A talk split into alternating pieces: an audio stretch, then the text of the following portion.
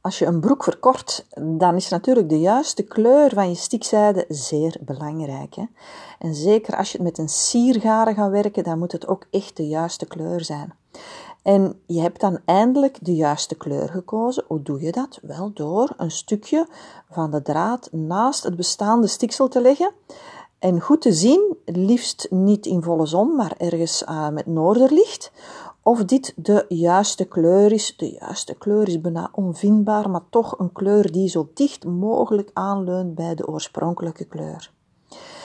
En dan, vol goede moed, dan ga je die stikzijde op je naaimachine zetten en dan ga je stikken.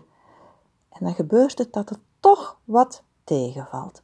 Mm, eens dat het gestikt is, blijkt die kleur toch weer niet 100% goed te zijn. Dus hoe kan je dat voorkomen? Wel, je gaat sowieso een stuk van de broek afknippen, wil je ze verkorten. Dus doe eerst met je naaimachine, stik eerst naast het bestaande stiksel en dan kan je de twee stiksels vergelijken. En dan zie je, is dit de juiste kleur?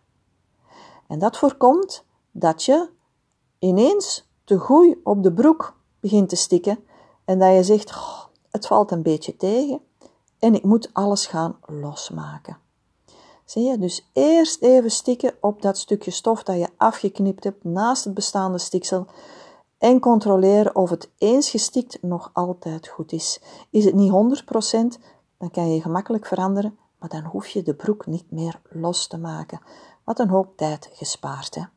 Zo, fijne dag nog.